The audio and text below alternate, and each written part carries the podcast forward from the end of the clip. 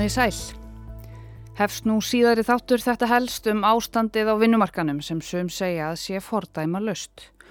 Nokkuð stór hluti samfélagsins er nú í einhvers konar lamasessi vegna verkfallshátti í 900 félagsmanna eblingar. Meiri hluti þessa fólk slaði niður störfa á hátti í gær og þetta verðist ætla að býta. Fólk er að hamstra eldsneiti og mat, nokkrar bensinstöðvar hafa skellt í lás og ferðaþjónustan er stórist, hún er uggandi. Matföruverslanir segjast ega byrðir út helgina. Í þetta helst í gær kynntumst við Solveig Önnu og Haldóri Benjamin og ég kom líka aðeins inn á ríkisáta semjaran Aðalstein Leifsson. En hlutirnir breytast heldur betur hratt og nú er komið nýr sátasemjari í þessari tilteknu deilu. En hvað gerir sá sem gegnir þessu starfi? Hvað gerir ríkisátasemjari? Er hann einhvers konar hjónabandsráðgjafi eða er hann sáttamilari sem leggur fram tillögur, miðlunartillögur jafnvel, að lausnum? Og af hverju er fólk núna að segja að það þurfi að breyta vinnulögjöfinni? Ég heiti Sunna Valgeradóttir og hér kemur setni þáttur af tveimur í þetta helst um kjaradeilu eblingar og samtaka atvinnulífsins hjá ríkisáttasemjara og það er sá síðast nefndi sem fær sviðið í dag. En við skulum byrja á smá upprifin. Félagsmenn eblingar vinna yfirleitt lálaunastörf og búa langflest á höfuborgarsvæðinu. Hlutvall útlendinga er hátt. Þetta er verka fólki í vörubílaflutningum, byggingarvinnu, vegagerð, hafnarvinnu, landbúnaðar og sjávarútvegsstörfum. Svo er stór hluti í umönnun við heimaþjónustu, vinnur á leikskólum, sjúkrahúsum og stopnunum, þvóttahúsum og saumastofum stopnana. Félagsmenn vinna líka í mötuneytum, á hótelum, veitingahúsum, þau sinna öryggiskerslu, bensín, afgræslu og þau vinna líka á dekkjaverstæðum. Og formaður eflingar er Solveig Anna Jónsdóttir. Það er verið að fremja verkfallsbrot.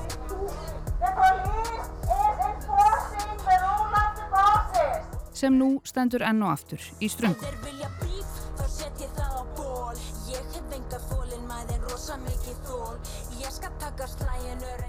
We are demanding that five people go in, otherwise we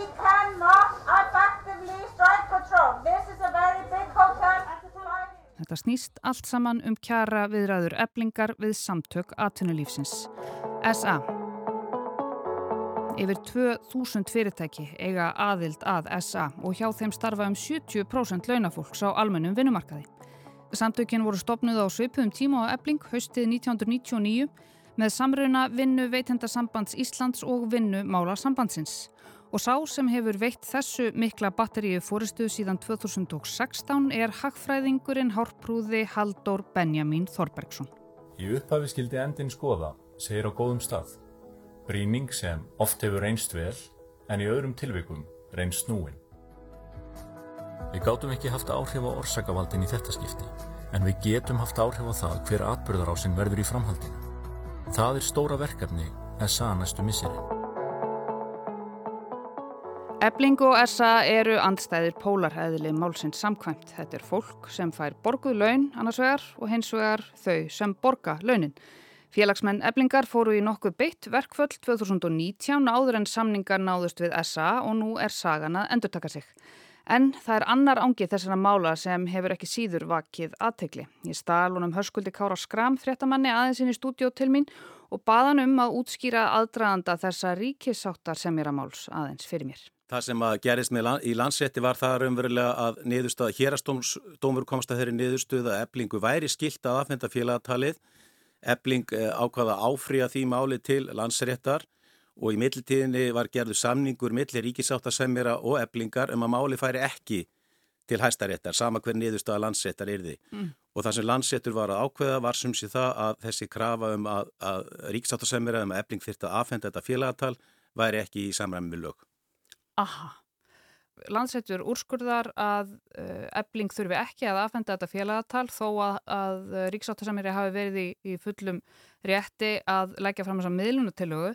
Aðalsteit Leifsson hefur stýðið til hliðar uh, úr þessari, þessari, nákvæmlega þessari baráttu eða þessum viðræðum. Já, en við erum náttúrulega að upplifa fordamalösar aðstæður hérna eins og ídrykka hefur komið fram. Þetta er bara sagan sem heldur áfram. En fordæmalösar aðstæður, já. Þetta er algjörlega fordæmalös staða.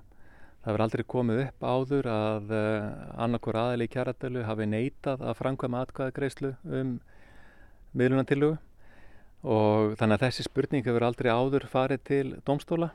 Þetta var aðarsteyt Leifsson ríkisáttasemjari í speklinum á mánudag og þetta er Solveig Anna í fréttunum sama dag.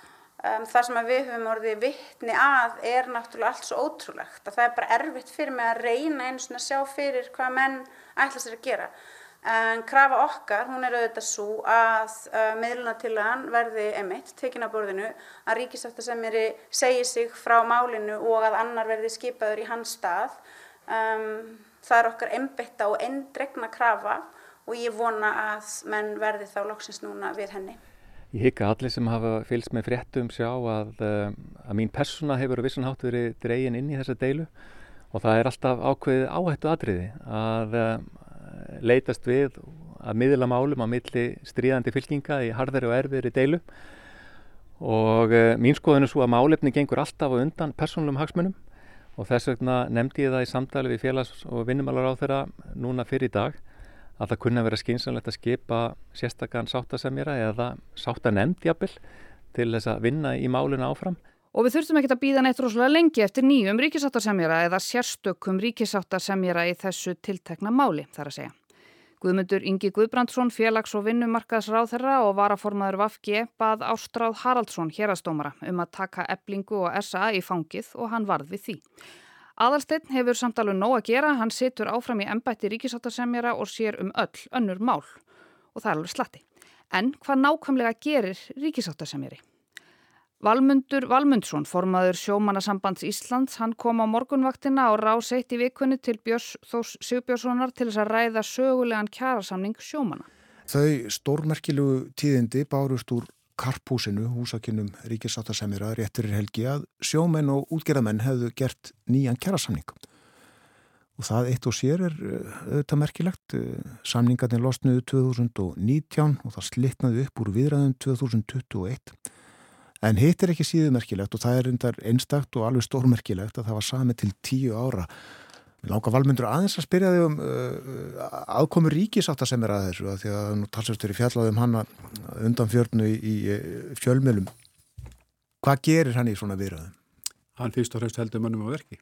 Uh, hann hefur náttúrulega þá skildu að búa okkur til fundar á hálfsmánaðafresti sem hann hefur alltaf gert þó að séum ekki tala saman í, í hans húsi ef við erum ekki að tala saman í hans húsi þá, þá bóðar hann okkur tilfundar bara til að fá gott kaffi og, og við segjum honum fréttir og svo brínir að menn til, til hérna verka og, og það er kannski það sem hann á að gera. Já. Það gerða hann alveg svika að lausna okkur. En í þessum viðræðin þar er hann ekki að leggja til einhverja prosentu hækkanir eða lækkanir hér og annað móti þar. Hann er ekki að því. Nei, það er ekki svo liðis. Það er, það er við sjáum með það bara sjálfur. Já, já, auðvitað.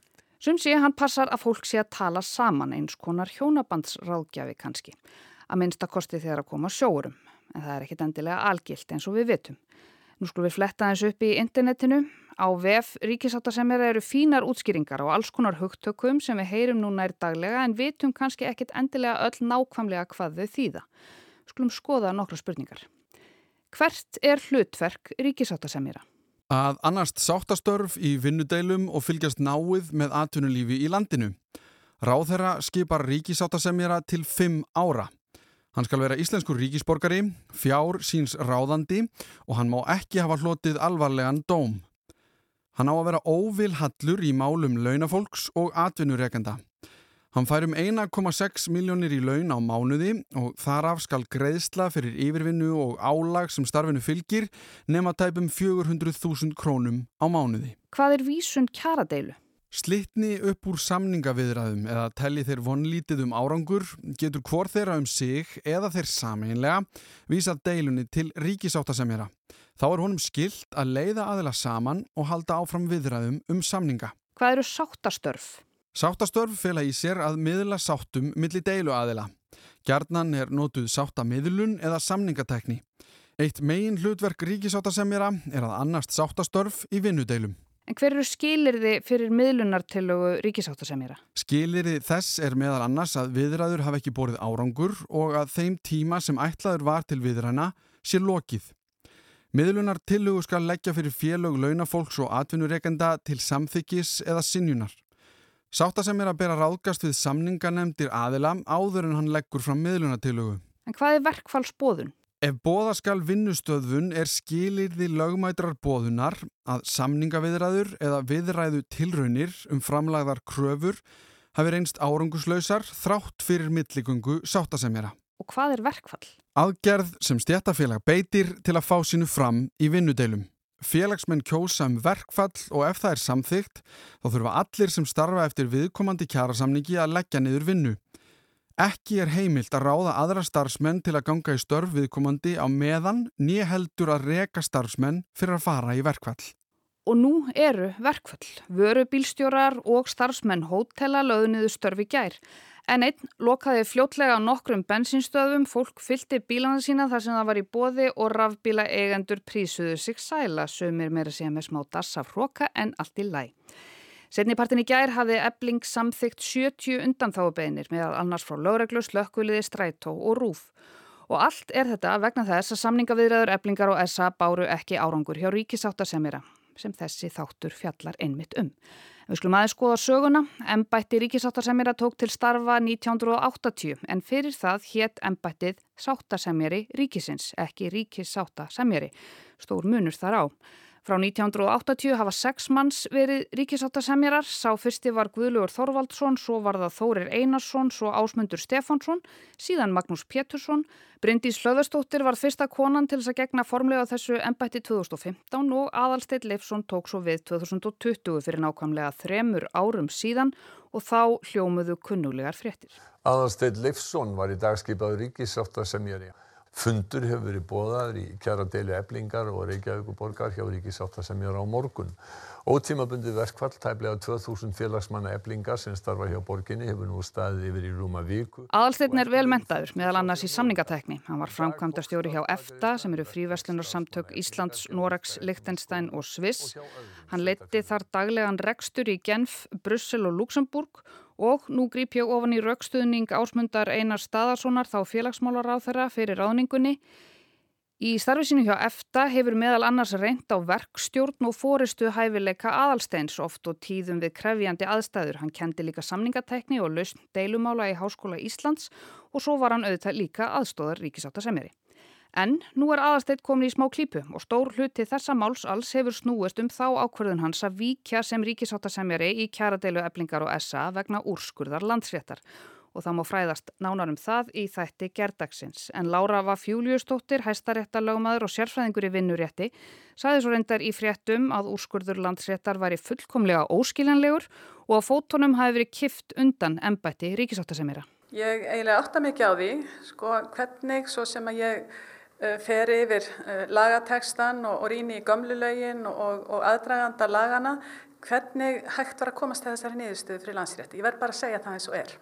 Lára segir að með úrskurði landsréttar hafi fækkað úrræðum til að leysa harðar kjaradeilur upp sé komin fordæmalus staða. Það hefur búið að kippa fótonum undan Uh, ennbætti ríkis sáttasemjara þar að segja uh, það er búið að taka af honum eins og hann sjálfur segir þau tæki og tól sem að hann hefur yfir að ráða það er svakalega. Já, ég held að sé alveg ljóst að við þurfum að skoða lögjöfina í framhald af þessu vegna þess að um, samkvæmt domnum að þá hefur ríkisáttasemjari heimil til þess að leggja fram miðlunatölu en hann hefur ekki ambóðin eða verkværin til þess að geta látið kjósa um hana með það sem að þessi dómur segir. Og þetta var svo Guðmundur Ingi ráðara í Kastljósi á þriðudagskvöld en hinn setti ríkisáttarsemjari Ástráður Haraldsson bóðaði samninganemdir eblingar og SA á fund strax í gerðmorgun en það bar ekki árangur samninganemdirnar hittust reyndar ekki, þú voru bara að funda sitt hverju lægi.